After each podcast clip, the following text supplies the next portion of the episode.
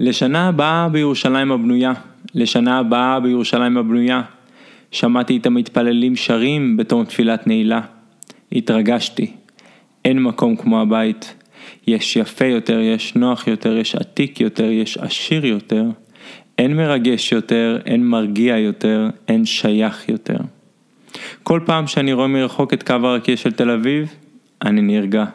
כשאני רואה את נופי ארץ ישראל, אני נרגע. לפעמים מתרגש. תל אביב היא הבית שלי, ארץ ישראל היא הבית שלי. אחרי שההתרגשות דעכה משירת המתפללים, חשבתי שכבר הגענו. אחרי אלפיים שנה של נדודים, העם היהודי חזר הביתה. משהו בו צריך להירגע. לא יודע למה אנחנו עדיין שרים לשנה הבאה בירושלים הבנויה. אולי מתפללים בבניין בית שלישי, אולי מתוך הרגל, ואולי עדיין לא מרגישים בבית. תצאו לראות את ארץ ישראל, אולי משהו בכם יירגע.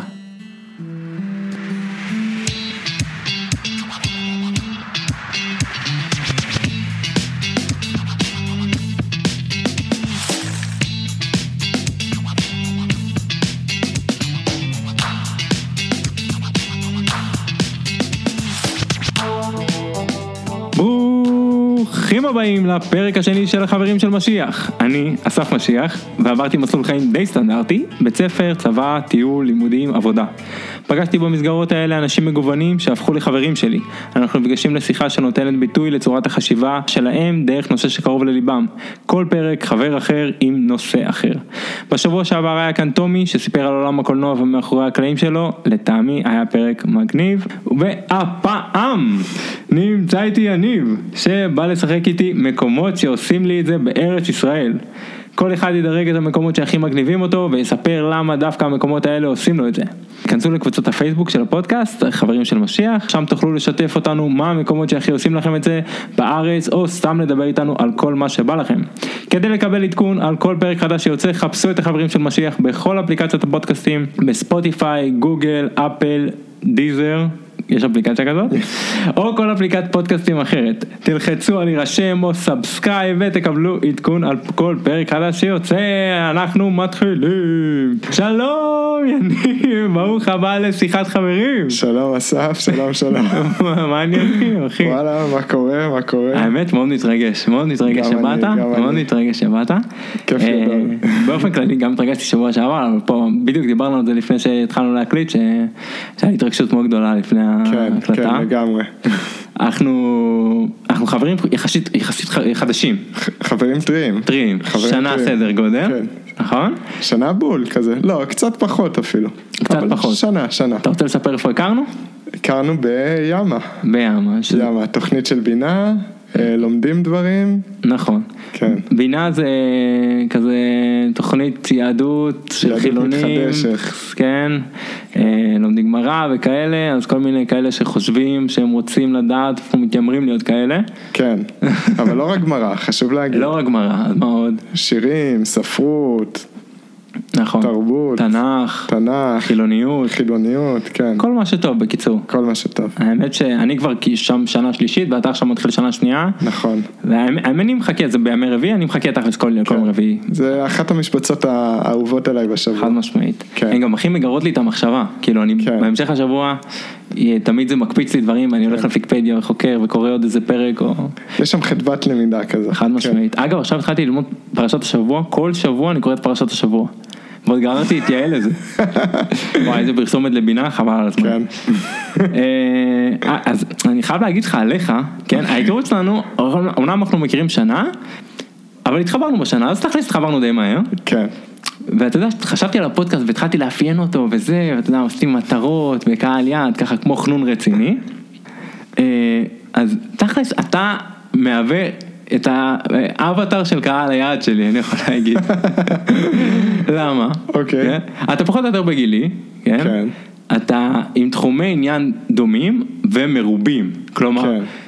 אני באופן כללי, לפחות אני מתיימר, שהפודקאסט הזה לדבר לאנשים עם תחומי עניין אה, רחבים, כמו שדיברנו קודם, כאילו אה, ספרות, אה, אבל גם ידע כללי. בן אדם שאוהב תנ"ך, אבל הוא גם אוהב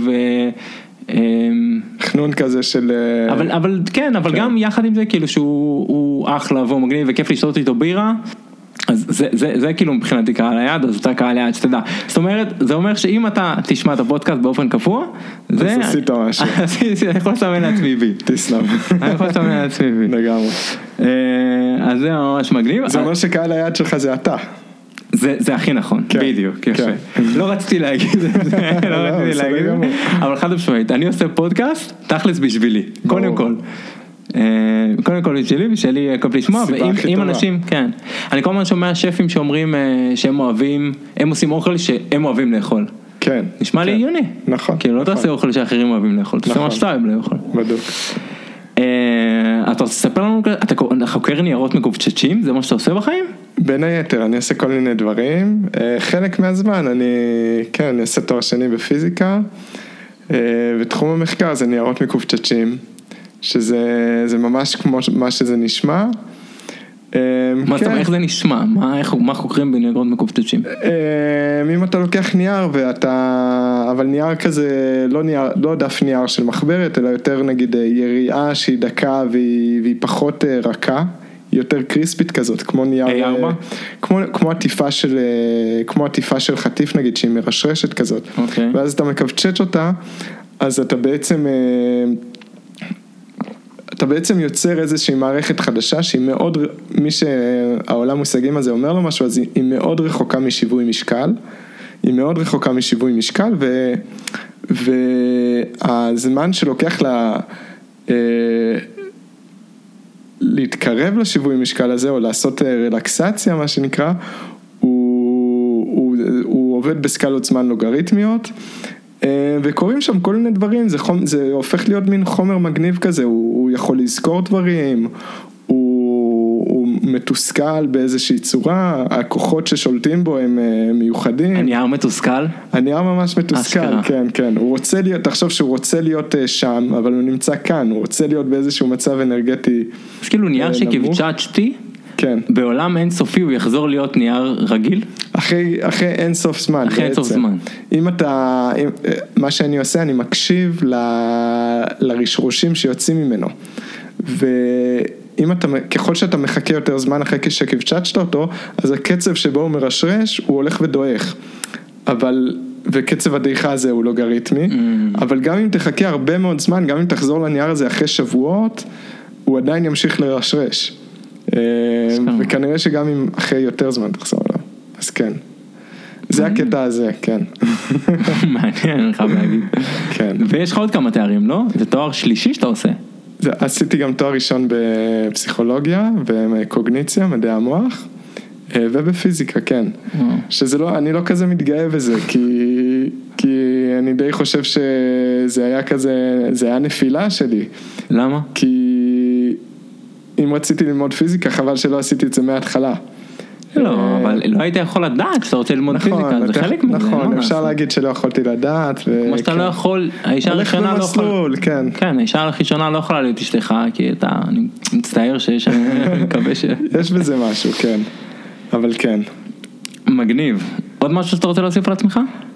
אה, אולי לאנשים. בהקשר של הפרק, אז גם לפני שלמדתי ואחרי אה, הצבא, נכון, חשוב מאוד. כן, אז עשיתי קורס אה, מדריכי טיולים, וזאת אחת האהבות הגדולות שלי באמת. אה, ארץ ישראל. גם ארץ ישראל ו- וגם כאילו לבקר במקומות ולהכיר מקומות ובעיקר, בעיקר שזה, אני גם מאוד אוהב להדריך ו- וללמד ודברים כאלה, אבל, אבל אני חושב שהתחביב הכי גדול שלי זה ללכת ברגל. אני ממש אוהב את החוויה הזאת של ללכת ברגל וכזה ללכת מרחקים, לאו כן. דווקא מרחקים גדולים, אבל להרגיש שאני עושה איזשהו מרחק ולהגיע למקומות חדשים ומאוד אוהב את זה. אתה מטייל לבד, כאילו לפעמים אתה מטייל לבד. יוצא לי, כן, יוצא לי לא מעט לטייל. לבד, אני מאוד נהנה מזה. מדהים, קנה לך בזה באמת. למרות שגם אני בן אדם קצת לפעמים של לבד, אבל אה, לטייל, לטייל לבד, יצא לי אולי רק בחו"ל. אני חושב שבארץ אף פעם לא יצא לי. אולי בקטנות, אבל לא לא באמת. אולי בפארק הירקון. זה לא כזה, כן, לטייל לבד זה לא כזה שונה מללכת לפארק הירקון, פשוט צריך אולי נכון. להיכנס קצת לאוטו או משהו כזה, ואולי קצת להכיר יותר, אבל אה, כן, זה יכול להיות כיף. אה, זהו, אז כן. זה מוסיף שאתה מדריך טיולים בהכשרה שלך, כן, אבל אתה פה לא על תקן מומחה, אנחנו בשיחת חברים. בדוק. חשוב לזכור. בדוק. אה, זהו, אז אנחנו קופצים למשחק שלנו, אז היום אנחנו נעשה משחק, אנחנו נעשה דירוג. אה, בעצם כל אחד בוחר חמישה מקומות, מקומות שעושים לו את זה, השפיעו עליו, הגניבו אותו, אה, שהוא רואה אותם הוא מתרגש, אה, או עושים לו משהו. אה, בסדר עולה, כלומר, אנחנו נתחיל מאלה שהכי פחות עושים לנו את זה, ובסוף נגיע לזה שהכי עשה לנו את זה.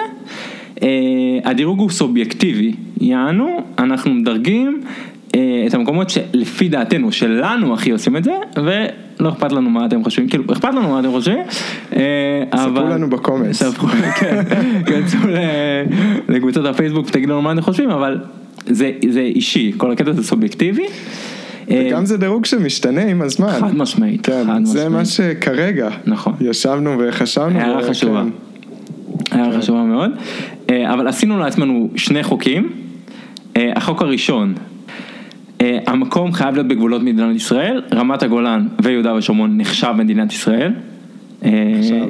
שתיים, חוק שני, המקום חייב להיות ספציפי, כלומר אי אפשר להגיד רמת הגולן, חייב להגיד איזשהו מקום ברמת הגולן, אי אפשר להגיד אשקלון למשל, אפשר, צריך להגיד מקום ספציפי באשקלון. זה יכול להיות גם מקום גדול, אבל אה, זה חייב להיות מקום אה, ספציפי. אה, אז בואו נתחיל לשחק עם מקומות שמה שנקרא נפלו ברצפת, אה, על רצפת אה, חדר העריכה. העריכה, כן. ולא נכנסו לחמישיות שלנו. כן, כן. מי מתחיל? תן כמה. תן כמה. אני? כן. מה, במשפט כזה? מה, תן כמה. מה- שמע, אז הראשון שמצד אחד הוא לא נכנס לרשימה שלי, אבל הוא החיים עצמם מבחינתי, זה הים. אוקיי, אה, אוקיי, מעניין שאתה אומר את זה. ממש התלבטתי אם לשים אותו כמקום, אוקיי. אה, והחלטתי בסוף שלא, אבל הים הוא חלק מאוד מרכזי מהחיים שלי, אה, חוף הים. בש, בשלוש שנים האחרונות אני גר בתל אביב, אני חושב שלא עובר שבוע שאני לא נמצא בים לפחות פעם אחת, גם בחורף, אני מאוד מאוד אוהב. תקופה מדהימה להם עכשיו. כן, עכשיו בכלל, גם אפשר לשחות עכשיו, המים פצצה. אנחנו בסוף אוקטובר, כן? למי שיאזין כן. לנו עוד שנים. אה, וכן, וגם, אבל גם יש חופים מחוץ לתל אביב שאני מאוד אוהב, אם זה חוף געש, או אתמול הייתי בחוף בגבעת אולגה, שהוא מטורף, נורא יפה, כן, ו... וזה זה כיף שיש איזושהי נקודה שממנה הנוף פתוח ברמה אינסופית אבל. אתה, אתה נכנס, ל, אתה נמצא על קו החוף ואתה מסתכל לאיזשהו כיוון ואין כלום וזה זה כזאת תחושה של, זה כאילו אתה, אם אתה צריך אוויר או משהו, אז זה מין תחושה כזאת ש... איזה מישהי אמרה לי לפני כמה ימים שלפעמים אתה פצ... פשוט צריך שיהיה לידך מקום שהוא, שהוא פתוח, שהוא לא צפוף, שהוא מחוץ לרחובות, מחוץ לעיר, ו... וזה התחושה האולטימטיבית שמה. מדהים שאתה אומר את זה, אז זה הרבה כן. פעמים המחשבות שלי. תן לנו עוד איזה שתיים שלושה מקומות ככה במילה. איזה, עוד איזה מקום, במילה, אה, אבל.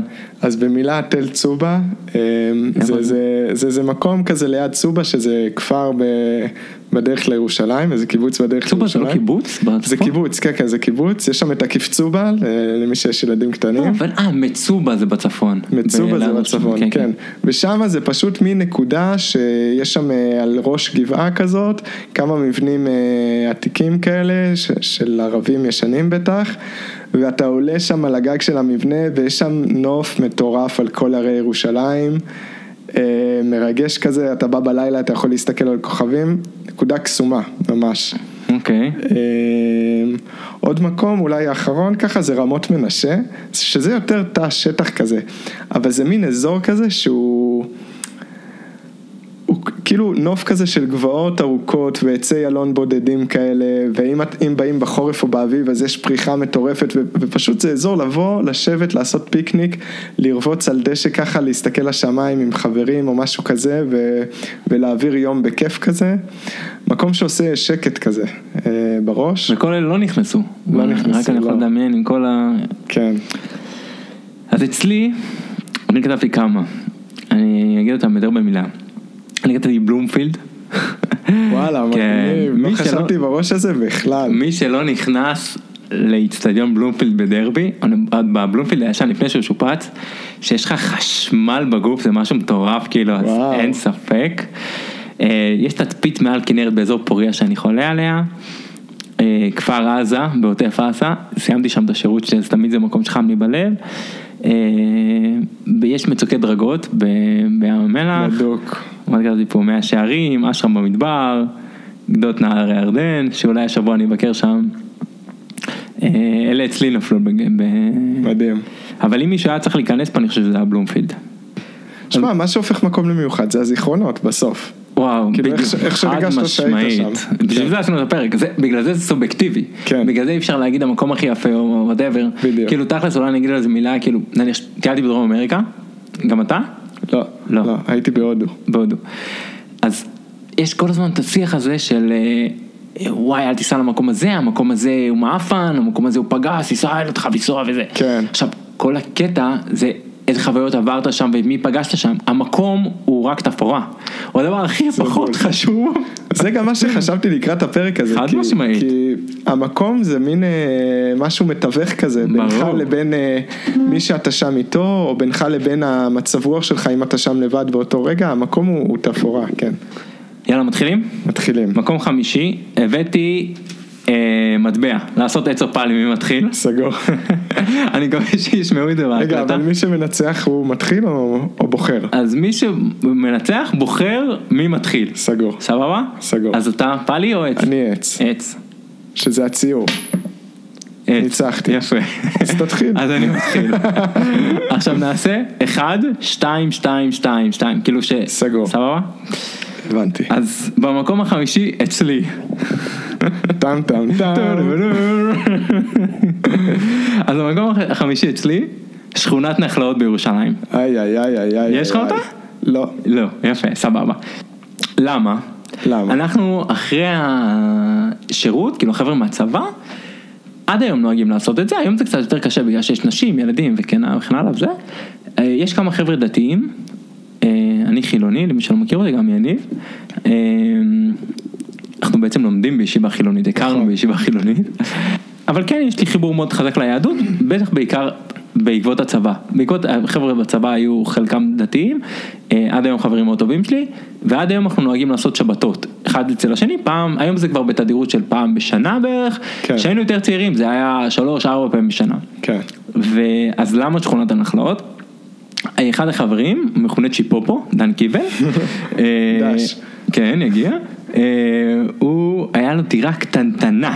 בשכונת כן. הנחלאות, קטנטנה, טיפוסי. בקומה שלישית רביעית, באמת דירה של אם אני מעריך אותה במטרים, אולי, אולי 30-35 מטר, כולל המקלחת, כולל המטבח, כולל הכל הכל, והיינו באים לשם שלושה, ארבעה, חמישה, שישה חברים ישנים שם, מעבירים איתם את השבת, וזה היה הדבר הכי כיף בעולם. היינו באים משישי בצהריים, מתחילים בשוק, עושים קניות בשוק, מגיעים אליו הביתה, מתחילים לבשל, אה, מבשלים, אתה יודע, עושים חלות, עושים דג וזה, אה, לקראת השבת, אה, זה הייתה אווירה מדהימה, לאט לאט מגיעים עוד אנשים וזה, והוא מביא את החלב, והוא מביא את, ה, אה, את היין. האווירה שהייתה שם היא הייתה מופלאה בדירה הזאת, אני כן. פשוט לא יכול, אני כל פעם שאני עובר שם, אני נזכר בזה מחדש, והשכונה עצמה יש בה משהו שהוא, היא בנויה ממש ממש כאילו, אין אפילו, זה סמטאות, אין מקום לעבור עם רכב ברוב השכונה. כן. אה, והיא ממש ממש קרובה לשוק, שהשוק הוא בעיניי כן. השיא של ירושלים. למרות שהוא קצת, לא יודע, בשנים האחרונות אני פחות ופחות אוהב אותו, כי הוא נהיה פחות אסלי כזה. כן, יותר כזה, פחות שוק, יותר פחות. אה, מרכז אה, בילוי כזה. כן, למרות בדיוק. שגם, לא יודע, אני עדיין חושב שיש לו את הקסם שלו. גם בתור מרכז בילוי חד. משמעית, לא, עד היום אני, אני מאוד אוהב אותו. אני, אני הייתי יורד שם בתחנה המרכזית, הייתי בא באוטובוס, הייתי יורד בתחנה המרכזית. הולך ברגל לתחנה המרכזית, עובר דרך השוק ומגיע אליו הביתה. זה היה, מדהים. אני כן. זוכר שלחזור משם היה בשבילי כאילו במוצ"ש, הייתי עוד סטודנט, כאילו זה היה תקופה, תכלס, אולי הכי טובה בחיים שלי שהייתי סטודנט, זה היה תקופה מדהימה, היה חשוב מחויבות וזה, אבל הייתי חוזר משם במוצ"ש, היה לי, לא יודע אם עצוב, אבל כאילו חזרתי מחו"ל. הייתי חוזר. לתל אביב, והיה בי משהו כאילו, לא עצבות, אבל כאילו, כאילו חזרתי מחו"ל, הייתי צריך איזה יומיים להירגע אחרי זה. בדיוק. כאילו יש בירושלים משהו, שפעם בתור ילד לא אהבתי את ירושלים, אבל כאילו הנחלאות לימדה אותי לאהוב. גם היום, חצי, כאילו, או שאתה אוהב את העיר, או שאתה כן. אתה לא יכול להיות אמביוולנטי אליה. זה עיר קסומה, אני גרתי איזה שלוש או ארבע שנים גרתי ברחביה, שזה, נחלאות זה בין רחביה לשוק, כאילו. אז כל פעם גם כשהלכתי לשוק או לחברים, אז עברתי דרך נחלאות. אני מאוד מאוד אוהב את השכונה הזאת. כן, יש בה קסם פשוט, יש בה קסם. מדהימה. כן. זה גם מין משהו כזה שהיום, הרי לא יהיו שכונות חדשות כאלה. לא יבנו ככה עוד פעם. נכון, ואז יש בזה גם מין קסם נוסטלגי כזה. נכון. אה, שהוא, שהוא כאילו לא יחזור על עצמו עוד פעם. אני לא יודע אם, אה, אם עוד אה, כזה מאה שנים, אה, השכונות שלנו, אז כאילו יבואו אנשים וזה ייראה להם ישן כזה ונוסטלגי כמו שנחלאות מרגישה לנו. אבל כן, יש, יש שם מעניין, קסם. לא פשוט. חשבתי על זה אף פעם. כן, יש שם פשוט קסם. מעניין אם הרומאים חשבו ככה. יש מצב. יאללה, מקום חמישי שלך. אז מקום חמישי שלי, אה, אני כזה, אני הולך על מקומות, אה, מקומות טבע כאלה. מה שבא לך, אחי? בדוק. אז אני, אני בחרתי במקום שהאמת רק בשנים, האח- בשנתיים שלוש האחרונים, האחרונות, אה, יותר ככה הכנס לי ללב, וזה, אה, יש את נחל פרת, שאתה מכיר בטח? אתה מכיר? ואדי קלט. כן. כן, אז יש, יש כאילו, הנחל הוא אה, מירושלים נוסעים לכיוון ים המלח, ואז אה, ביישוב שקוראים לו אלמון, אה, נכנסים לשמורת טבע ויש שם מעיין גדול עם בריכות ואז הולכים בנחל, אבל אפשר לפני שנכנסים לשמורה ללכת בחלק העליון שלו, אוקיי. אה, שזה מקום שהוא בעיניי מאוד מאוד יפה, ויש שם כמה דברים שאני אוהב. גם, יש, מדבר יהודה הוא מין, אה, הוא מקום כזה, קסם. עם נוף נורא קסום ונורא עוצמתי כזה, הוא כאילו, הוא נורא מפתיע הנוף שם. הוא כמעט לא מטויל, נכון? לדעתי הוא פחות מטויל, למרות שמצד, אתה אומר, זה נורא קרוב, זה, זה שעה נסיעה מתל אביב. נגיד לים נכון. המלח זה שעה וחצי, אבל יש, יותר. יש מקומות ש... בלי פקקים שעה וחצי בדוק. אבל יש מקומות ש... שאפשר להגיע בדרך לשם, נחל אוג, אה, נחל פרת וכאלה, ונורא קל לטייל שם, והוא נורא יפה, ו... והחלק הספציפי הזה זה גם החלק שהוא יחסית גבוה וקרוב לעיר, אז עדיין יש בו מין שאריות של, אה, של לא מדבר, אוקיי. ואז נגיד אתה בא לשם בפברואר, הכל כלניות. מטורף, כאילו אדום, ירוק, אתה לא, אתה לא רואה את הצהוב של המדבר בכלל. והולכים שם בשביל לאט לאט לאט, ופתאום אתה נכנס לנחל, וזה נוף כזה סופר דרמטי כזה, והוא פשוט עושה לי את זה. אה, מין משהו, תחושת אה, עוצמה כזאת. יש לך איזה חוויה מיוחדת משם? ה- הרגע הזה שאתה נכנס, זה הרגע שזה חקוק לך? בעיקר הרגע הזה של, המעבר, אין הרבה, אין הרבה מקומות, למרות שזה קורה הרבה בארץ, אין הרבה מקומות בארץ שאתה יכול לחוש מעבר מסוג נוף אחד לסוג נוף אחר. כי בארץ, הארץ נורא מגוונת, נכון? יש את, אה, יש את הנגב, יש את אה, מישור החוף, יש את רמת הגולן, יש את הגליל, זה הכל אזורים ש, שאתה יכול כאילו, שישימו אותך באמצע המקום, להסתכל מסביב ולהבין איפה אתה. כי הנוף הוא מאוד אופייני. זה מאוד- מדהים שהתברכנו בזה אגב, כאילו כן, מדינה כל כך מדהים. קטנה עם כאלה כאילו שוני בנו, מדהים. ו- ויש יש כל מיני אה, אה, סוגי אקלים שמשולבים בארץ, נגיד בבקעה ובערבה, יש איזשהו סוג אקלים ששולט, שהוא לא, לא נוכח בכלל במישור החוף, או שההשפעה שלו קטנה יותר. אז יש הרבה סוגי נוף שונים, אבל יש מעט מקומות שאתה יכול ללכת, וממש בחצי שעה הליכה, ממש להרגיש את המעבר הזה מסוג נוף אחד לסוג נוף אחר, ושם זה כאילו בתוך הפרצוף שלך. אה וואו, וזה מעניין. מה שמגניב אותי במקום הזה. מנוף שהוא כזה גבעות אה, יותר עגולות כאלה, כאילו נוף פחות אה, שפיצי, פחות חד, פחות, אה, פחות חזק, יותר רך כזה. פחות מדבר יהודאי כזה. כן, פחות מדבר יהודה, מדבר יהודה זה כזה, זה מאוד כזה, rough. יש מצוק ואז 90 מעלות כן. נפילה, fuck, כאילו הכל נורא חד כזה. כן. אז שם בהתחלה הכל נורא עגול, נורא יפה, כזה כבשים באחו, סגנון כזה, ואז פתאום בבת אחת אתה נופל לתוך הנחל שם. אה, ואתה מרגיש את ההבדל, ואתה, ואתה מסיים בתוך גם, בתוך איזה נווה מדבר משוגע כזה, בתוך המעיינות שם. אפרופו, גם אמרת בהתחלה, סתם אמרנו חוקי הפורמט וזה, ואז, נכון, אמרנו רמת הגולן ו... ויהודה ושומרון. עכשיו. אז זה כאילו, זה משהו שאני חושב עליו הרבה, בעיקר לאחרונה, אה, כי זה מעבר ל... מה אתה חושב? לקו הירוק. נכון. ויש אנשים, יש הבדל גם בין רמת הגולן ליהודה יש הבדל ושומרון. גדול, ברור. כן, בוא, בוא נוציא, הגולן היא- נוציא את אה, רמת הגולן מהמשוואה. סבבה. אבל, אה, אבל יש אנשים שמפריע להם לטייל באזור הזה. עכשיו, החשש יכול או לבוא מאיזשהו מקום של דואגים לביטחון שלהם, שבעיניי זה מוצדק, זה חשש מוצדק לצערי. אני לא חושב שהוא כזה מוצדק תכלס. כמה, כמה מקרים זה, זה בא- סטטיסטיק, זה בא מחוסר זה יותר היכרות תחושה, בכלל. בדיוק, כן, זה יותר כן, זה, תחושה. זה תחושה, כי אתה, אתה לא רוצה להיקלע לסיטואציה, נראה לי שיותר ממה שאתה חושש לשלומך, אתה חושש מזה שאתה תיקלע לסיטואציה שיהיה לך לא נעים בה. אתה מבין מה אני אומר? כן, זה נכון. אמ, ויש אה, יש איזושהי, יש אנשים גם שיגידו שהם לא רוצים לטייל שם בקטע אידיאולוגי, ועל זה אני באמת לא יודע מה אני חושב.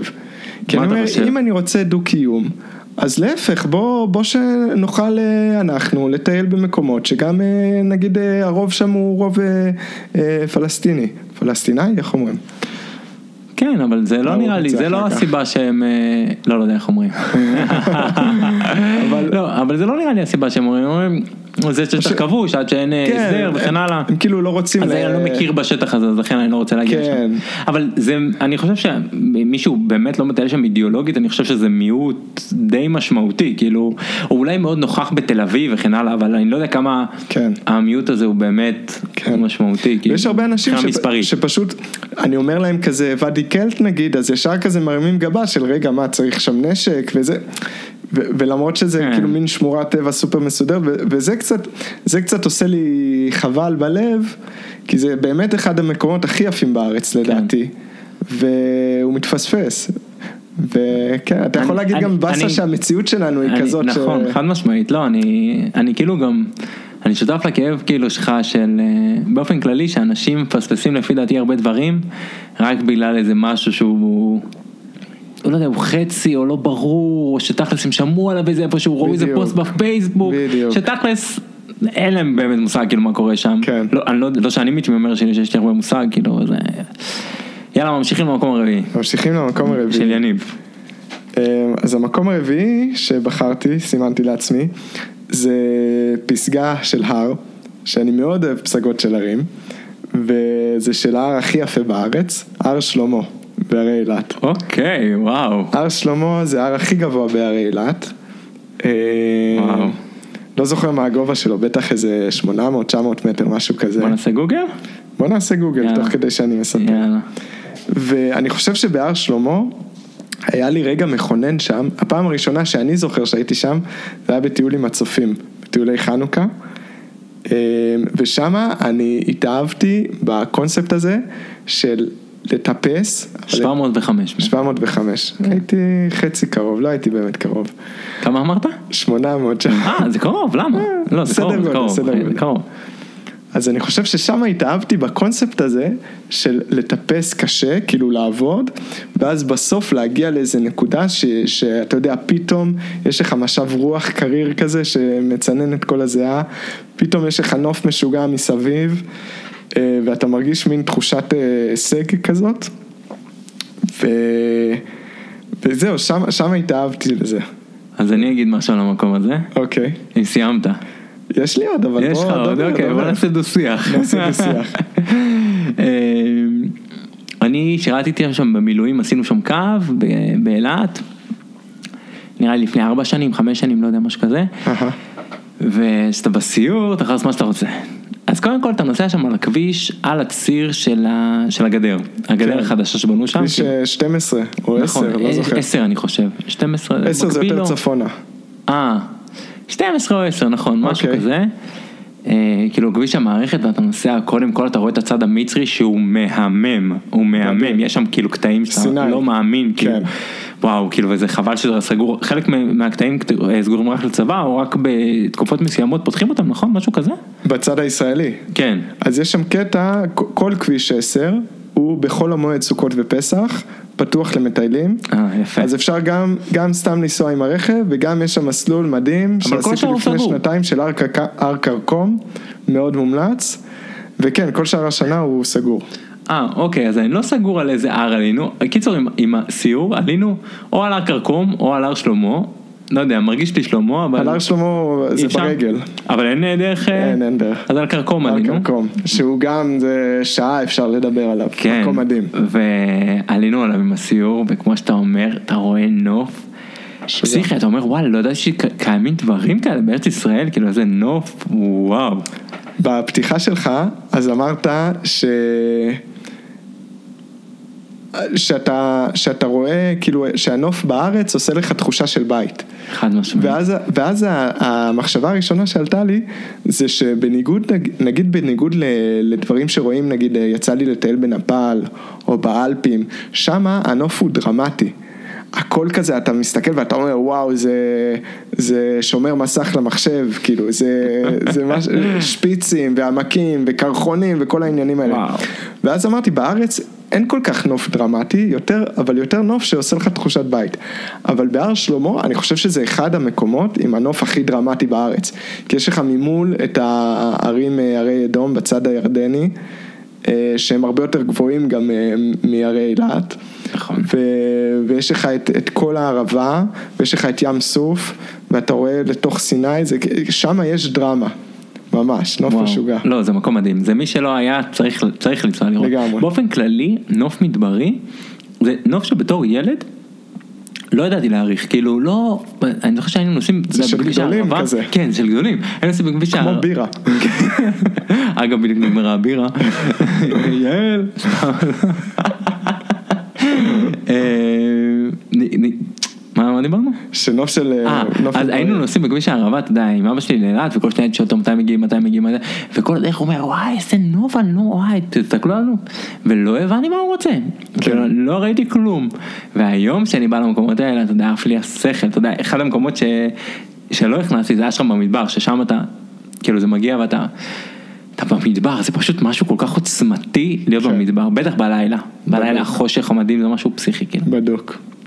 אז ממשיכים למקום הרביעי, עכשיו למקום הרביעי שלי. נתנת את המקום חמישי רביעי, היינו בנחל אה, פרת והר שלמה. שלמה. המקום החמישי שלי היה שכונת אה, נחלאות. נחלאות, ועכשיו המקום הרביעי שלי זה, אתה אמרת את זה קודם במה שנפל אצלך, חוף הים בתל אביב. תסלם. עכשיו אני חייב להגיד משהו על חוף הים בתל אביב. עכשיו כל פעם אני אומר את זה לחברים שאני נמצא בחוף, וכל פעם הם צוחקים עליי. חוף הים בתל אביב הוא החוף הכי יפה בעולם. תסלם. ואני אני איתך. יואו, אני לא מאמין שאתה מדבר איתי על זה. סתם, לא. שמע, חוף היה, אבל חוף לא, היה... רגע, אני אנמק את זה. תן לי- אוקיי, אוקיי. לנמק, תן לי אוקיי, לנמק. תן לי לנמק. קודם כל, כשאני אומר חוף יפה, אז אוקיי, יכול להיות שיש חוף עם אה, אה, מים טורקיז, ולא יודע, חול לבן, או whatever, כאילו, ויש סירות, ולא יודע, whatever, כאילו. אבל חוף הים של תל אביב, יש בו ייחודיות מטורפת. קודם כל, החול בו הוא אשכרה חול, שזה דבר נדיר בים. נכון. הייתי בלא מעט חופים בעולם, זה דבר נדיר. אנחנו לוקחים את זה כמובן מאליו, אבל זה לא. אגב, מגיע מהנילוס. נכון, מאתיופיה. מאתיופיה כן, דרך כן. הנילוס אלינו. אה, אנשים צבעוניים, המים... ויפים, ויפים. ויפים, וכיפים, וההוא משחק כדורגל, וההוא משחק מתקות, וההוא משתזף, וההיא, אה, לא יודע, עושה עם ההוא להוא, כאילו, כיף להיות בים. כיף. כיף.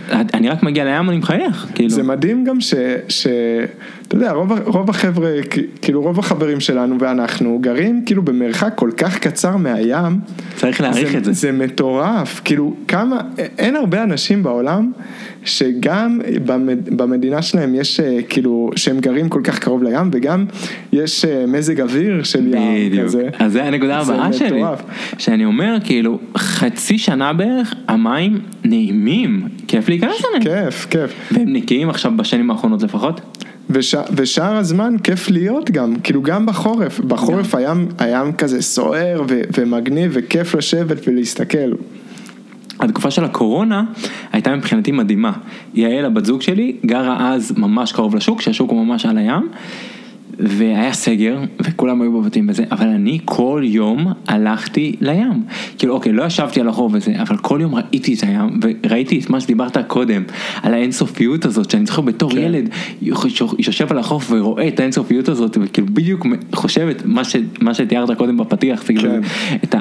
את ה... וחושב לעצמי מה, מה קורה שם מאחורי האינסוף הזה.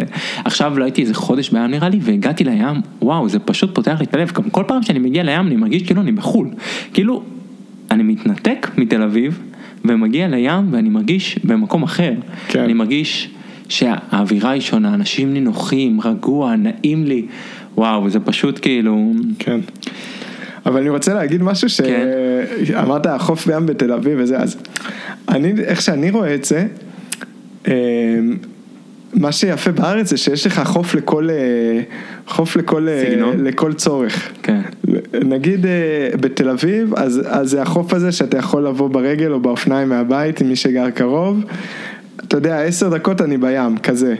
יש חופים שאתה יכול לבוא עם, אה, עם משפחה כזה, ולבוא כזה בהתארגנויות, עם צידנית, עם, עם, אה, עם כיסאות, עם כל הוואג'רס. יש חופים, נגיד אתה יכול ללכת לגעש, כזה יותר בקטע רומנטי כזה אם אתה רוצה, או יותר להתבודד, או כזה עם הצוק וכל מה שקורה שם.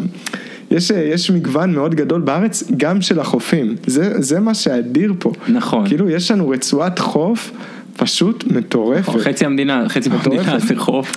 כשהייתי, ילד, כן. הייתי בבית ספר, ואז היה לנו איזה, איזה יום אחד, ערב כזה, בעקבות, ה... בעקבות המעפילים, משהו כזה, הלכנו.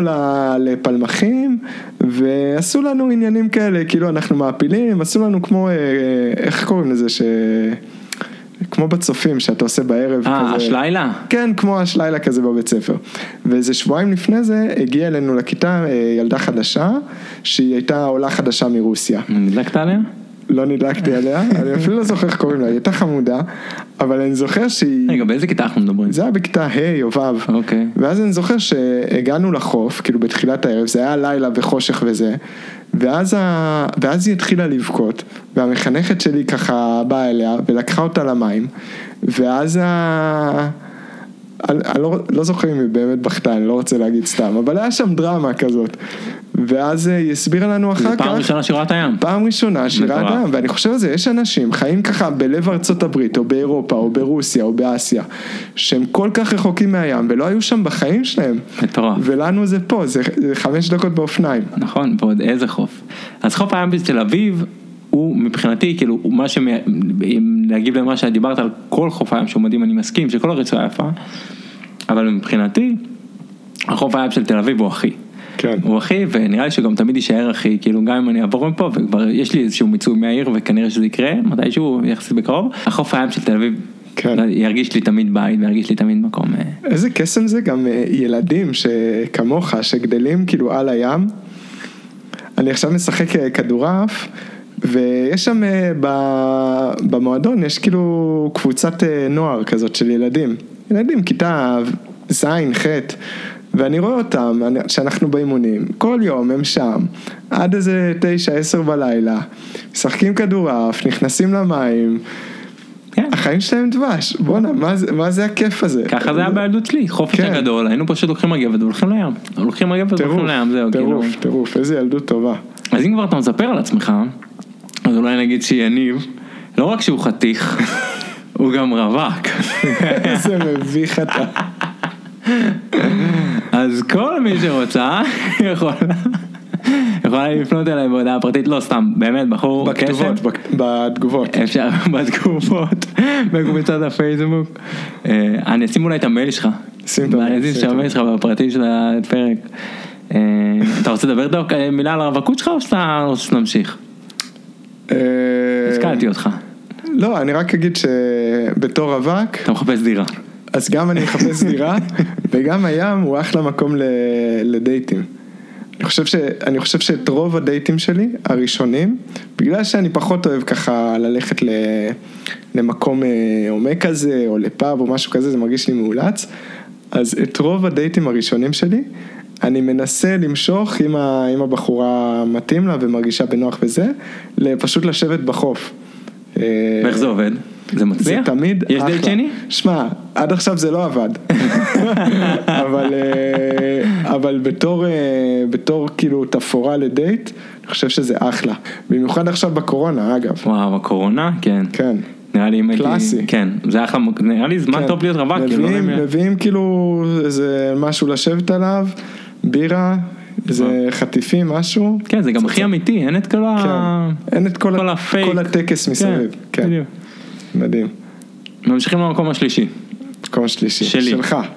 אה, אז המקום הרביעי שהיה חוף הים, בתל אביב, מקום שלישי, אני הולך עכשיו להיות סופר בנאלי, אבל אין מה אוקיי. לעשות, אני צריך, הכותל המערבי.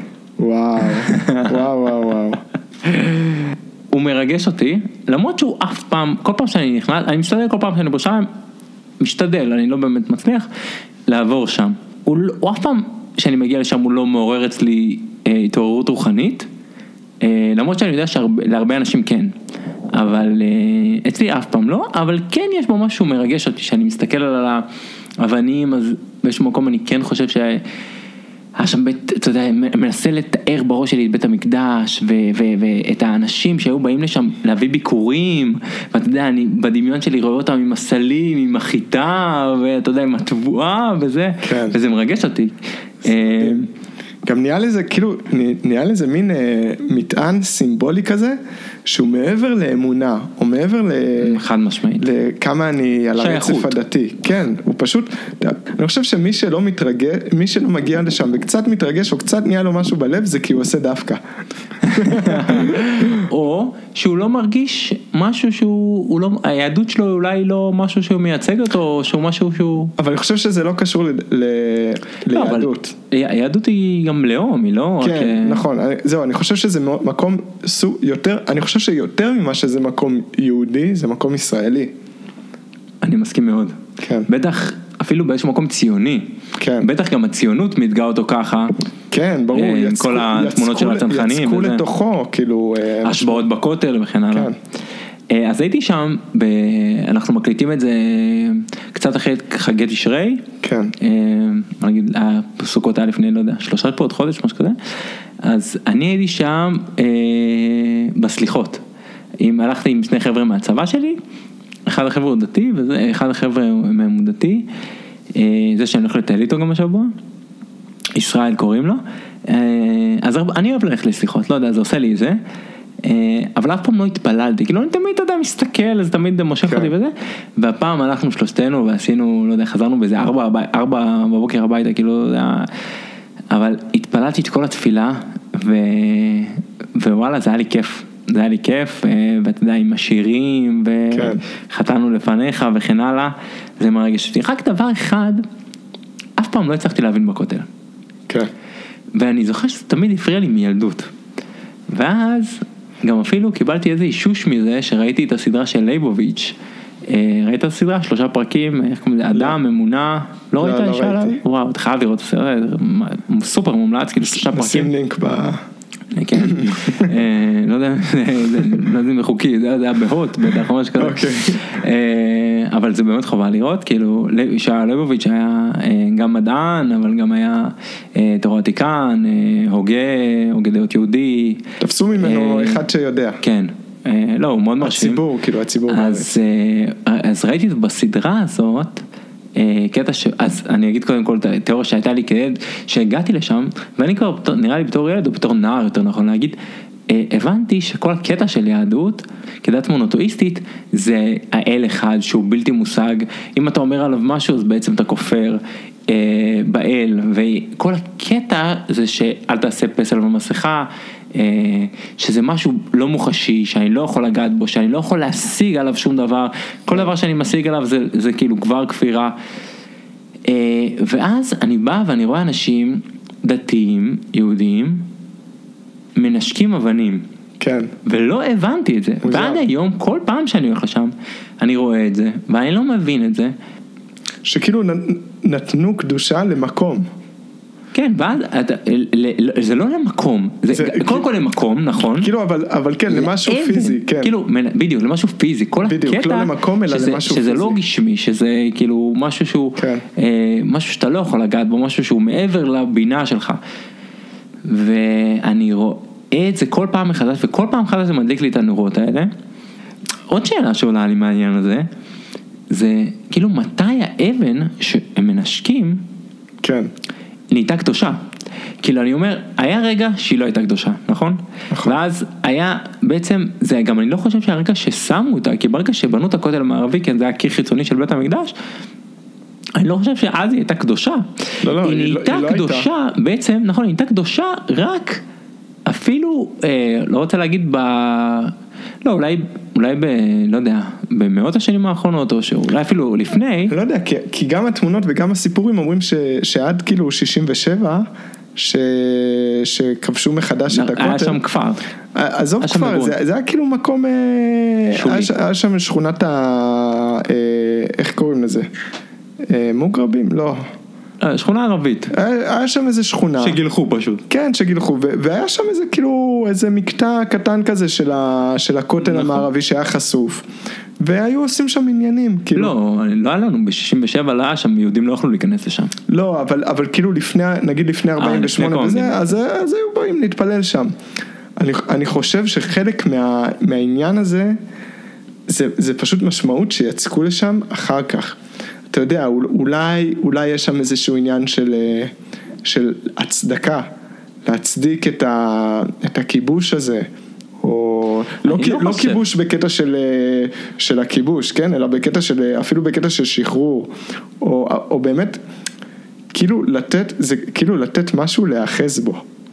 אה, ש, שהוא לדעתי בקטע מאוד טוב, כן? בקטע חיובי אני אומר את זה. אז אני חושב שהסיבה, כן זה קצת אני כאילו ממשיך את מה שאתה אומר, אני חושב שפשוט הקטע הזה של מונותאיזם והסיבה שהוא בעצם כל כך הצליח זה בגלל הקטע שהוא בלתי מושג ואז נניח אתה לא יכול לשבור את האלה, למשל נניח היה כל מיני אלים או פסלים בכלל שפשוט היו שוברים אותם או whatever, כן. אבל מצד שני זה כל כך קשה לבן אדם, ברור. הוא חייב משהו, הוא חייב, הוא חייב איזה משהו, אז אוקיי, יש לו קיר, אוקיי, אני אלך על הקיר, כאילו, כן. מה שיש. קיבלתי הרבה ביקורות, על זה שהפרק הקודם היה ארוך מדי. אבל זה פודקאסט שלך, אז על הזין. אבל זה הפודקאסט שלי, אז אני, אני אוהב לשמוע פרקי. פודקאסט ארוכים. אז בוא, עכשיו תורי, נכון? עכשיו תורך, כן, אני עשיתי רביעי שלישי, אתה עושה. שלישי שני. אז אני, הרמת לי להנחתה, כי מספר שלוש שלי זה העיר העתיקה בירושלים. הופה, הופה. הופה. אז אני, אני אגיד שאני מאוהב בירושלים.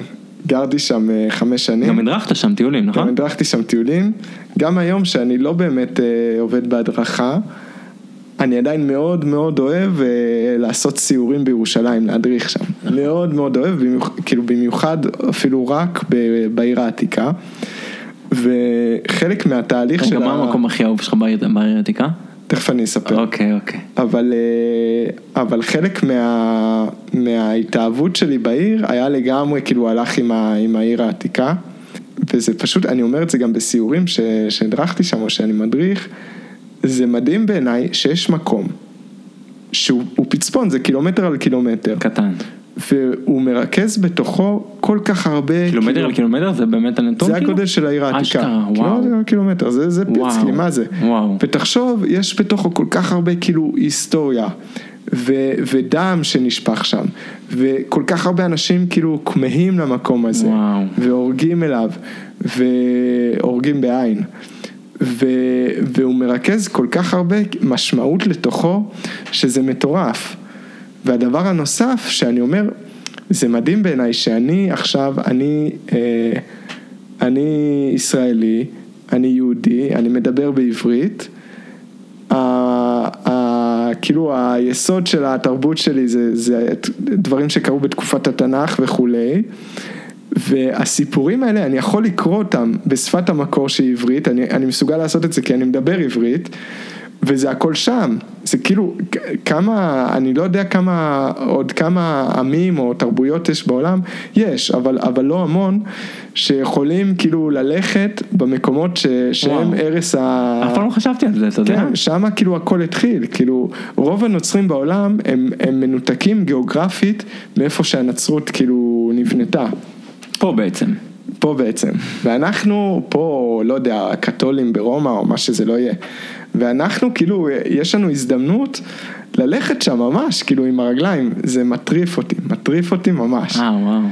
אה, פעם הבאה שאני אלך ברחובות העיר העתיקה, אני אחשוב עליך. עליך. זהו, אחד המקומות האהובים עליי בתוך העיר העתיקה, זה ההוספיס האוסטרי, אתה מכיר? אה, השם אני מכיר, יש מצב שבו הייתי, איפה זה? ליד מה זה? זה ממש במרכז העיר העתיקה, בעיר העתיקה היא בנויה ככה, היא בנויה לפי המודל הרומי, שיש אה, אה. קרדו, לא, יש קרדו, מה זה קרדו? זה הרחוב הראשי שהולך, אה, הקרדו אני חושב הולך אה, מזרח מערב, הוא הולך או מזרח מערב או צפון דרום, אוקיי. ובכל קצה שלו יש שער, והשערים עכשיו הם חדשים כי, כי זה שערים של העיר העות'מאנית. אה, אוקיי. אבל ב- בעיר הרומית היה את הקרדו ויש את הרחוב הש- הש- הנחלו, אני חושב שקוראים לו דמוקולוס או משהו, קרדו זה כאילו, זה לב, זה, זה מרכז העיר, ולרומים... קרדיולוג. כן. ולרומים היה מודל שכל עיר שהם בונים היא נראתה אותו דבר. זה כמו, תמיד אומרים שזה כמו מקדונלדס, שיש להם את הקשתות הצהובות, שבכל מקום שאתה הולך בעולם אתה רואה מקדונלדס, אתה, אתה יודע מה תקבל. אז אותו דבר עיר רומאית, אתה מגיע לעיר רומאית, יש לך רחוב, שני רחובות ראשיים, שער בקצה של כל אחד, ומרכז העיר הוא בהצטלבות שלהם. אז ההוספיס האוסטרי זה איזה מקום שבנו לעולי רגל מאוסטריה.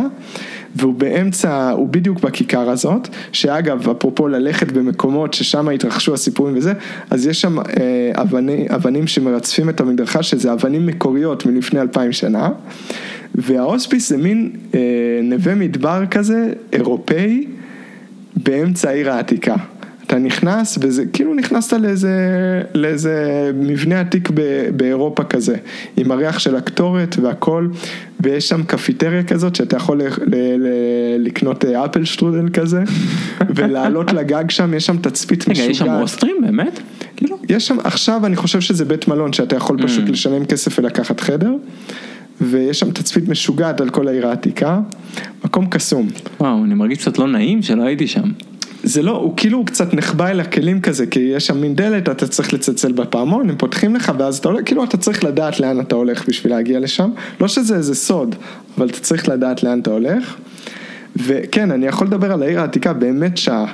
אה, יש שם, יש שם דברים נורא מעניינים, למשל דה רוזה, זה מין אה, דרך כזאת ש, שסימנו, אני חושב אלנה סימנה את זה, שהיא באה לירושלים, והיא אמרה פה ישו עשה ככה, פה ישו קרא לו ככה וזה, ובכל מקום כזה בנו כנסייה, וזה מתחיל באיפה ששפטו את ישו, ונגמר באיפה ש... שצלבו אותו.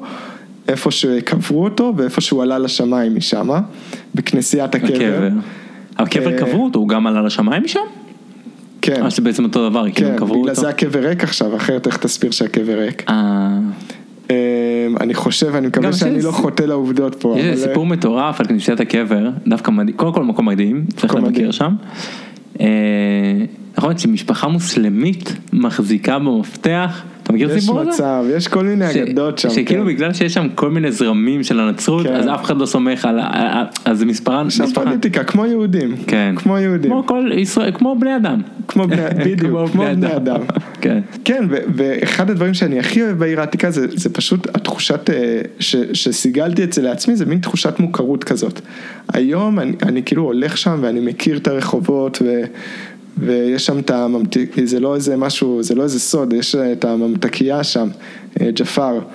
אפשר ללכת לאכול כנאפה, אני מכיר, ו- וברובע היהודי אני יודע להתמצא, ו- וזה שאני מרגיש במקום כזה שהוא כאילו הוא גם עתיק וגם יש לו כזה מטען, ו- ושאני מרגיש שם בבית, זה עושה לי טוב על הנשמה, זה היה מקום טוב, זה היה טוב, כמו שלך. זה היה טוב. אה, מקום שני, מקום שני. מקום שני זה מקום מאוד מיוחד, קוראים לו מבצר צדק.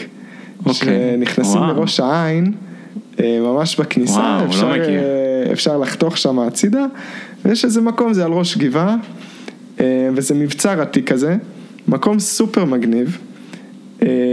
מקום שני, מקום שני, למה הוא מקום שני? גדלתי ביהוד, וזה בערך עשר דקות, רבע שעה נסיעה מיהוד. כשהייתי בתיכון והתחיל להיות לנו רישיון לחבר'ה וזה, אז היינו נוסעים לשם הרבה. הרוטינה הייתה שנוסעים לשם עם איזשהו פקל קפה או משהו כזה, יושבים, מתפננים, אה, ש- שחבר'ה, אני לא עישנתי, אבל שהחבר'ה התחילו לעשן, אז גם היו, היו מעשנים שם וזה, ראש טוב. והיינו כאילו מבלים שם, שישי אחרי צהריים או בשבתות או דברים כאלה.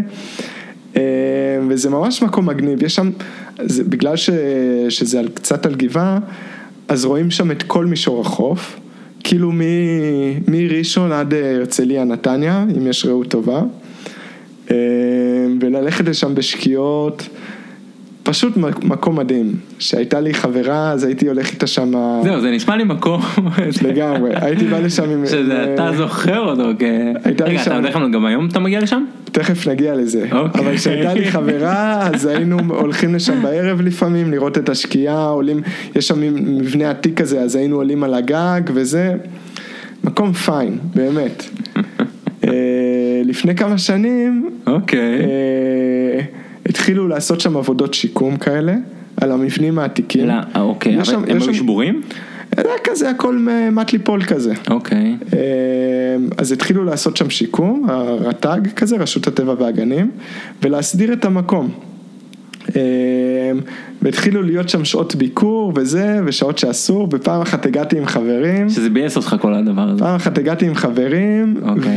ונשארנו כנראה אח- אחרי השעות שאסור, ו- ועד אז כאילו לא, לא שמנו על זה, פשוט היינו שם, אנחנו ילדים טובים, אנחנו לא, לא מלכלכים, לא עושים בלאגן וזה, אבל היינו שם אחרי השעות, ובא איזה פקח, ולרוב אני, אני לגמרי בצד של הפקחים, אני חושב שהם עושים עבודה חשובה וזה, אבל בא אחד גם בקטע לא טוב, ועשה לנו הוואנטות כאלה, ופשוט הוציא לי את הכיף מהמקום. ומאז אני לא חושב שהייתי, אולי הייתי הוא פעם נתן לך אחת... קנס כאילו? לא, הוא לא נתן קנס, אבל הוא כאילו סילק אותנו משם. איזה באסה. ממש למה אבל? באיזה. טענה? ש- שאסור להיות שם, אחרי בשעות השעות, האלה, כן. איזה באסה. אולי הייתי שם מאז עם אחיינים שלי או משהו כזה, אבל גם לא, לא זה, ו... ואולי גם כאילו זה היה נחמד להשאיר אותו עם הזיכרונות הטובים של החבר'ה כזה, ושל החברה שהייתה לי אז, ופשוט מקום עם, עם זיכרונות כאלה טובים. אז הוא יעשה של לך. טובה שהוא העיף אותך. גם יכול להיות. אוקיי, וואו, מקום שלא הכרתי. אז עכשיו אני הולך לשני ולראשון. אז מקום שני שלי זה בית עלמין טרומפלדור. וואי וואי וואי. אני גדלתי ברחוב זלמן שניאור, שזה מטר משם, באמת, דקה וחצי הליכה. בתור ילדים היינו משחקים שם מחבואים, היינו נכנסים לשם בלילות בכוונה כדי לפחד, אתה יודע, ומי מי שיש לו אומץ הכי הרבה זמן להישאר בבית קברות. זה, זה היה מקום כאילו שעשועים שלנו בתור ילד. בתור ילד, זה פשוט היה מקום לשחק בו. אה, אבל עם הבגרות שלי, גם אז, אתה יודע, כבר הכרתי את הקברים. מרוב שהייתי שם הרבה, אשכרה הכרתי את הקברים, אתה יודע, הכרתי את השמות, כאילו יש שם איזה קבר של ילד כזה עם עץ, והכרנו אותו, ואתה יודע, ואני אומר, אחותי, ו...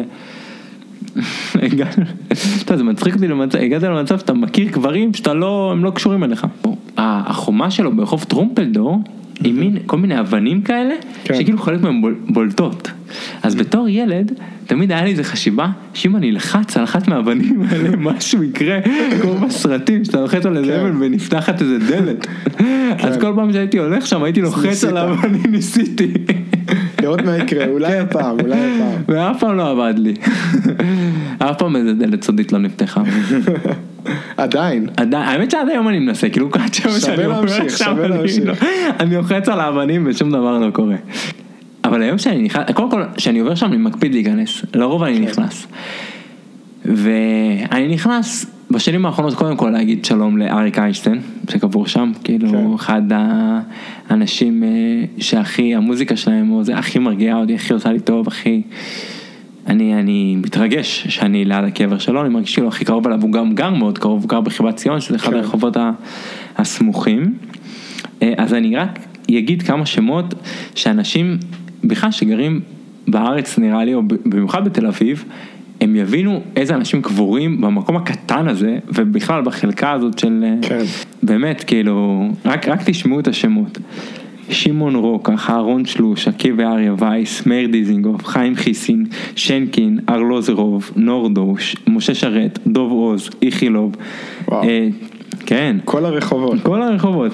אה, צבי פרץ חיות, שאול, אה, שאול אה, צ'ניחובסקי, חיים נחמן ביאליק, נחום גוטמן, אחד העם, שושנה דברי, אריק איינשטיין. שמתי זה כמובן אחרון הכי חשוב מבחינתי לפחות, כן? כן. אה, ו- ועוד, כאילו, ועוד, או, קיצצתי מהרשימה. זה פשוט, אתה הולך שם ואתה רואה קבר של רחוב, ועוד קבר. כי ואת- ואתה יודע, אתה פשוט רוצה להיכנס ולקרוא על כל אחד מהם, זה כאילו, כן. כל אחד הוא מרגש. אה, וגם גרתי, כאילו זה היה מאוד בשכנות לבית ביאליק, כן. גם חלק משמעותי שמהילדות עברתי בכיכר ביאליק, ובבית ביאליק היינו כזה בלילות כן. מתפלחים לשם ושותים, מעשנים נרגילה וזה, אה, בבית ביאליק. אבל, אה, והיום, אתה יודע, אני קורא, בעיקר בבינה, מהמקום הזה שנפגשתי בישיבה החילונית, ש... אנחנו קוראים, אה, יש לנו, היה לנו איזה קורס שנה שעברה על ביאליק, ויוצא לנו לא מעט ל- לקרוא על ביאליק, או בכלל להכיר אותו יותר, ואז פתאום אני מכיר אותו מפן אחר שלו, אתה יודע, בתור ילד הייתי מכיר אותו מה, מה, מהבית הזה שלו, ומהקבר, והכרתי את הקבר, ופתאום אני מכיר אותו מהכתבים שלו, ו... כן. אה, עדיין אני תכלס, אני לא מספיק שולט בכתבים, אני, יש, כתוב לי פה, אחת הנקודות על הלוח זה לקרוא מאמרים של ביאליק, אני כן. אגיע לזה יום אחד.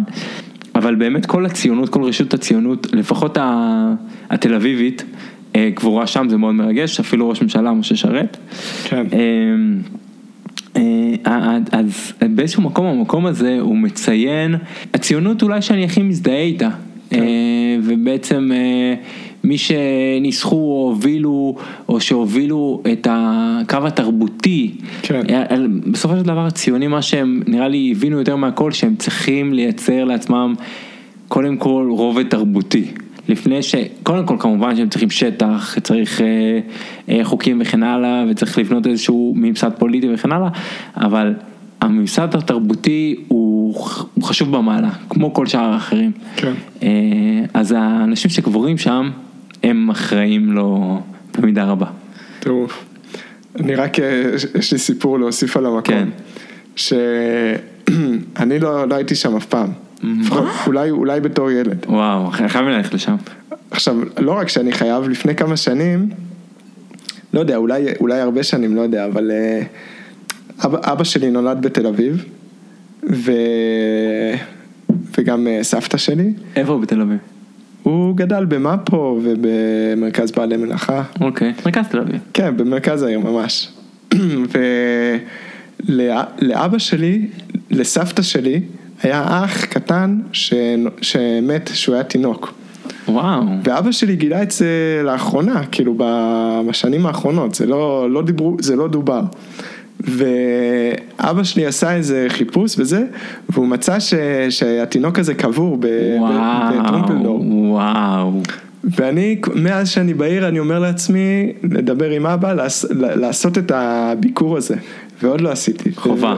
כן, וזה, ועכשיו זה עוד יותר דוחף אותי לעשות. בחודשים האחרונים בכלל, אני אומר לעצמי, יאללה, קורונה וזה, כאילו תעשה את זה, גם יש לי חברים שגרים קרוב, אז, אז אני מגיע לשם לפעמים ל, לרחוב, וכן, אני צריך פשוט פעם אחת להיכנס, אתה חייב להיכנס. וכן, יש שם גם לא מעט, כמו שאמרת, קברים של ילדים, זה, זה לפעמים קצת קשה, אני לא הולך כן. לחלקה הזאת, ויש שם גם הרבה אה, קברים של אה, אנשים שלא ידעו מי הם. זה היה בעצם למעשה הבית קברות הישן של יפו כמו, ושל זה קצת כמו בית קברות כינרת, שיש שם מצד אחד... אלמונים, אבל אין שם אלמונים בכנרת, יש יש, שם? כל מיני מצחיקים כאלה, לא באמת מצחיקים, אבל כל מיני כאלה שמת מהמחרשה שלו.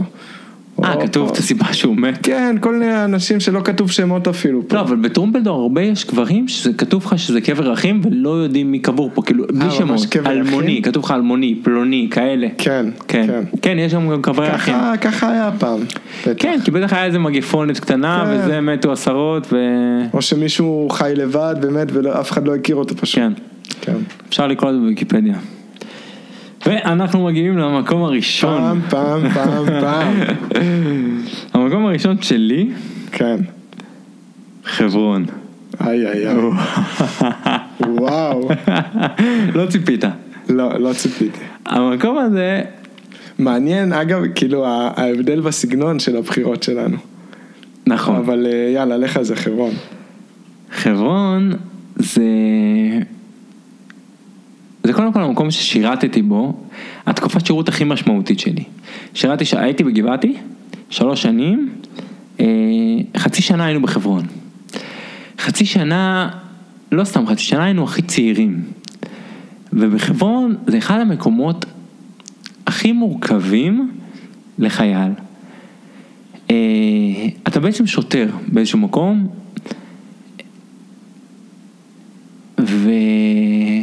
ובטח שאתה צעיר. אנחנו עלינו לפלוגה, יש אה, מסלול של אה, לוחם בחטיבת חי"ר, זה שנה מסלול ועוד שנתיים אתה עולה לפלוגות הוותיקות, אהה. ועלינו, אנחנו, המחלקה שלי הייתה לפלוגות המסייעת, והיינו אה, הפלוגה הכי המחלקה הכי צעירה בפלוגה.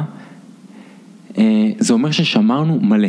באופן כללי, בחברון שומרים מלא. אז אנחנו בתור צעירים, מה זה לשמור אבל כזה ברחוב כזה באיזה בודקה? אז יש כל מיני עמדות, אז יש עמדות באמת ברחוב, אז שם, זה, זה פשוט מקום הזוי ברמות, זה, זה המקום הכי הזוי שאני דרכתי בו בחיים שלי, כן. בחיים שלי. אמ, אז בתור חייל אתה עוד לא מאה אחוז מבין את זה, אבל אני, אני עשיתי שם כמויות של שמירות, היינו עושים שמונה שמונה קבוע. עכשיו שמונה אתה שומר וכאילו שמונה לא שומר.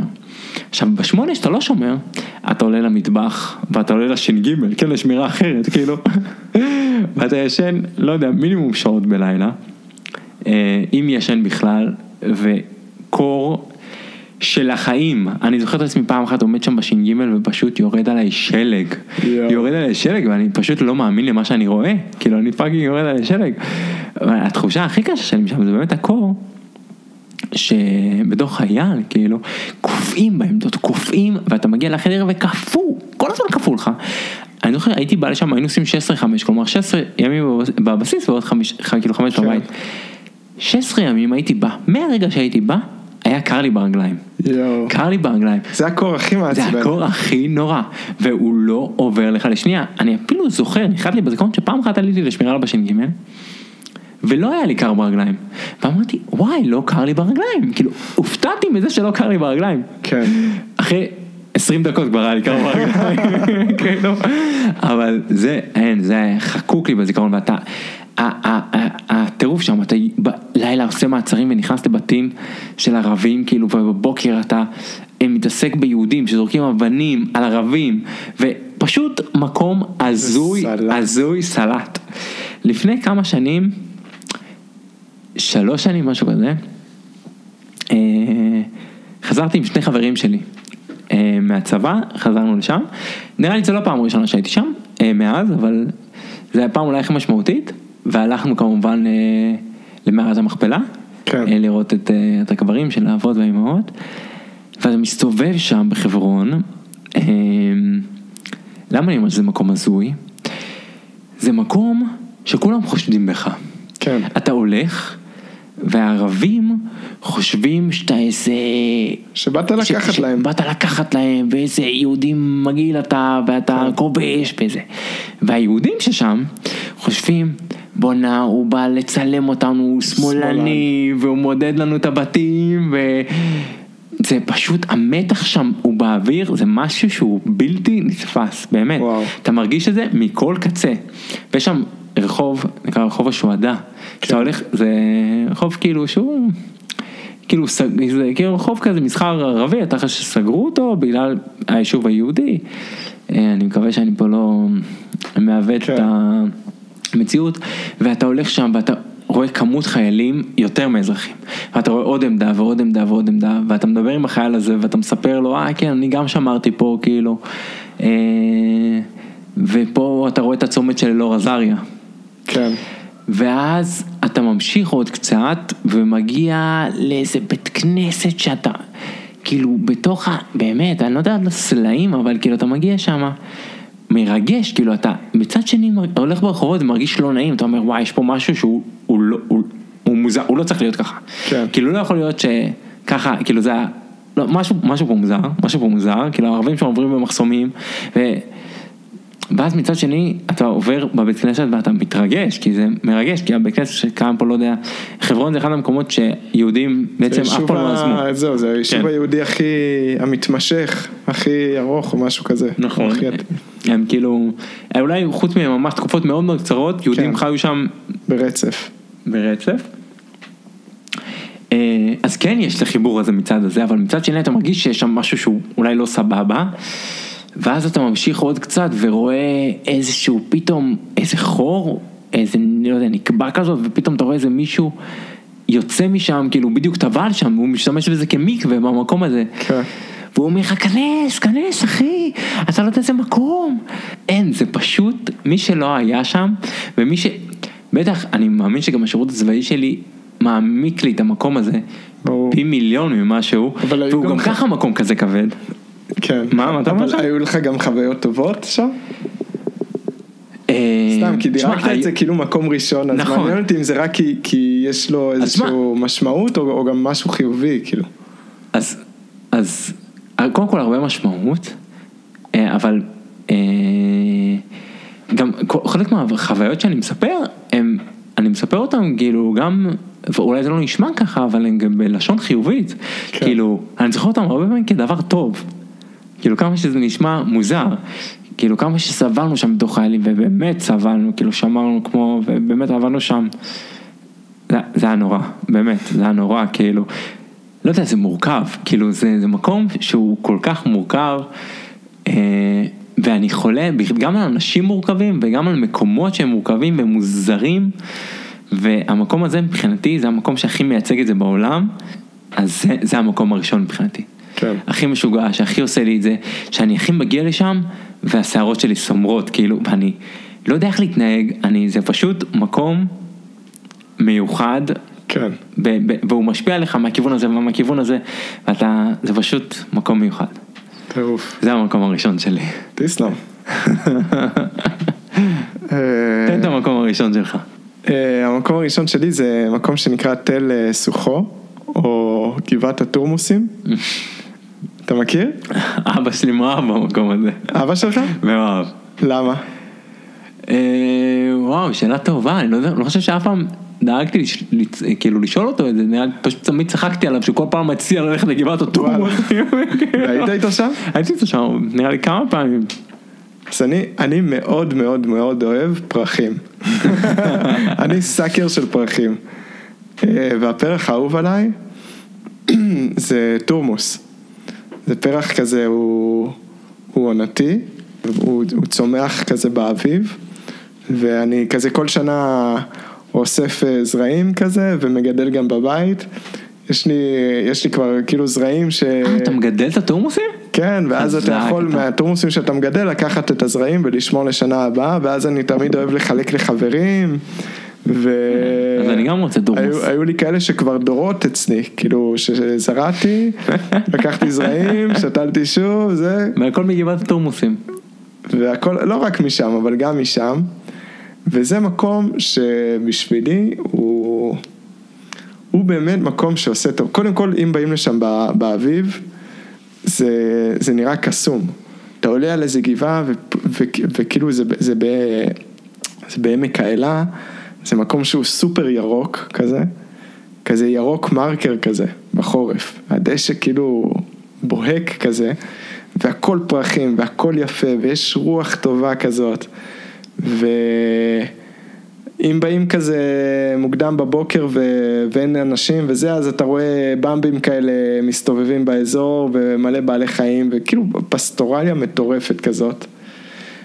וגם הוא, בשבילי, לא יודע, זה מקום שעושה לי שקט כזה, והוא גם נורא קרוב, נורא קל להגיע לשם. מה שאני אוהב, ב, כאילו ב, בהרבה, מה שאני אוהב כזה בחיים, זה בחיים פה ש, שנורא קל, כאילו, הטבע נורא קרוב, זה לא שאנחנו גרים באיזה, אתה יודע, נכון. אם היינו גרים בניו יורק או משהו כזה, אז רק לצאת מהעיר עכשיו זה איזה שעה נסיעה, כאילו, ופה וואלה, כאילו, חצי שעה נסיעה אני שם. נכון. וזהו, זה פשוט, אין, אין לי הרבה להגיד אה, על המקום הזה, חוץ מזה שהוא עושה לי טוב בנשמה, שהיה עכשיו את הסגר באפריל של הקורונה, אז אה, הייתי בבית כזה, ונגיד הסתובבתי הרבה בעיר כזה, ברגל וזה, אבל, אבל היה לי מין פנטזיית פריחה כזאת, כאילו, שאני חייב לברוח. חייב נכון. ללכת כאילו להרגיש, להרגיש שאני נמצא רחוק. והמקום הראשון שברחתי אליו, עוד שהיה אסור, נכנסתי לאוטו איזה יום, אמרתי, אה, אני חייב, אני חייב, נסעתי לשם. נסעתי לשם, הייתי שם לבד, ישבתי, שכבתי על הגב, וזה פשוט עשה לי טוב. גם אה, כזה, נגיד בנות שהייתי איתן בזוגיות או משהו כזה, אז גם תמיד אני, תמיד אני לוקח אותן לשם, זה כמו מבחן כזה, לראות איך הן, אה, איך הן מגיבות למקום. נגיד הייתה לי פעם חברה שהלכתי איתה לשם, ואני כזה, כשאני מטייל, אז לפעמים אני אוהב כזה, אני רואה איזה מקום שנראה לי מעניין, ואם זה לא בשביל, אז אני כאילו חותך לשם כזה, הולך קצת דרך הקוצים, כאילו קצת כזה בקטע הרפתקני כזה קצת, אז נגיד הייתי שם פעם עם מישהי, והיא לא, היא התעצבנה עליי כזה, היא אמרה, לא, לא רוצה, למה דרך הקוצים, למה זה? ישר כאילו זה, זה הוריד לי, כאילו. אה, אני מבין אותך. כן. אז זהו, זה פשוט, אה, אני חושב שזה באמת כבר כמה שנים, זה אחד המקומות האהובים עליי, והוא כאילו סופר נגיש, ולכל מי שכזה, באביב, כל מי שמבקש ממני המלצה, אני מאוד אוהב להמליץ לחברים כזה איפה ללכת לטייל, ושואלים אותי, רוצים לעשות טיול, אה, מרחק, חצי שעה נסיעה. אבל זה לא בדיוק טיול, כן, זה יותר... אפשר להסתובב שם, איזה, כן. זה מקום לשוטט בו. בדיוק, זה, זה מה שאני אוהב במקום בדיוק. הזה, אתה מגיע ואתה משוטט, שזה הצורת בילוי האהובה עליי בטבע. להגיע לאיזה מקום לשוטט בו, להסתובב, קרוב לשמש את... אה, תל אזקה ויש את רמת, אה, רמת אביסר אני חושב, כל מיני מקומות שפשוט אתה מגיע באביב והכל ירוק וקסום כזה והדשא, אתה מכיר את זה שאתה מגיע למקום והדשא רך כזה? בטח. שאתה רק רוצה לשכב עליו על, על שמיכת פיקניק כזאת ולהסתלבט? בטח. אז כזה. זה, זה פשוט המקום. אה, וואו, אבא שלי ישמח לשמוע את זה בטוח. ותלך איתו. אני אלך, לא, הייתי, הייתי הרבה פעמים. כן. הייתי, הייתי לא פעם. זה מקום, מקום כאילו שגם מסביב יש, יש הרבה היסטוריה והרבה כאילו תל בית שמש. מה הזמן הכי טוב להגיע לשם? פברואר, מרץ, משהו כזה. אוקיי, אנחנו מתקרבים. מתקרבים, כן. מתקרבים. לאט לאט. וואי, איזה כיף. אז סיימנו כן. את המקומות, בוא נחזור רגע למקומות של זה. אני אמרתי מקום חמישי, שכונת... אה, נחלאות. נחלאות, רביעי חוף הים של תל אביב, שלישי הכותל המערבי, שני בית עלמין טרומפלדור ומקום ראשון שלי היה חברון. כן. שלך תגיד? שלי היה מקום חמישי אה, נחל פרת, מקום רביעי הר שלמה בהרי אילת, מקום שלישי העיר העתיקה בירושלים, מקום שני מבצר צדק, ומקום ראשון אה, גבעת התורמוסים. וואו. טוב, אנחנו עוד ממש דקה מסיימים. קודם כל היה לי סופר כיף. היה לי סופר כיף. אה, אנחנו בדיוק נעשה עוד איזה, עוד איזה סשן. הכי כיף לדבר על מקומות שאוהבים. אה, לגמרי. אה, באופן כללי כיף לדבר. כן, כן. נסיים במה החלום שלך. וואי וואי איזה התקלה. למרות שהקשבתי לפרק הראשון הזה הייתי אמור לדעת. מה החלום שלי? שמע, אני חושב שהחלום שלי זה להגיע, אפרופו הנושא של היום, חושב שהחלום שלי זה להגיע לנחלה. אוקיי. שיהיה לי מקום כמו גבעת התורמוס. נחלה בלב אבל אתה מתכוון. או פיזית. בהכל. אוקיי. גם וגם, כמו שאמרתי על, אה, על גבעת התורמוסים, שאני מגיע ו, ו, וטוב לי בלב, ואני מרגיש רגוע כזה, שה, שהדופק יורד כזה, אז להגיע למקום כאילו בחיים ש, שסבבה לי, שאני לא... אם זה בעבודה או במה שאני עושה כאילו בשעות היום, ואם זה במה שאני עושה אחרי העבודה וכל הפעילויות אקסטרה שלי, ואם זה בחיים החברתיים שלי, או חיי משפחה וזוגיות כאלה, להגיע למקום ש, שאני סבבה לו, סבבה לי בו. וואו, כן. אחלה חלום, אני גם מאחל לך את זה. אה, זהו. מה שלך, או שאתה אמרת? שלי? לא, לא אמרתי. אז מה אה, שלך, מה? החלום שלי, אני חושב שהוא תכלס הוא די דומה. אה, אתה יודע, בתור ילד, אף פעם לא חלמתי על איזה קריירה או להיות איזה, אתה יודע, שיר או משהו כזה, אף פעם לא דברים שכאילו חלמתי עליהם. תמיד חלמתי על משפחה. כי אתה יודע, שתהיה לי משפחה ו... כן. יודע, ילדים ו...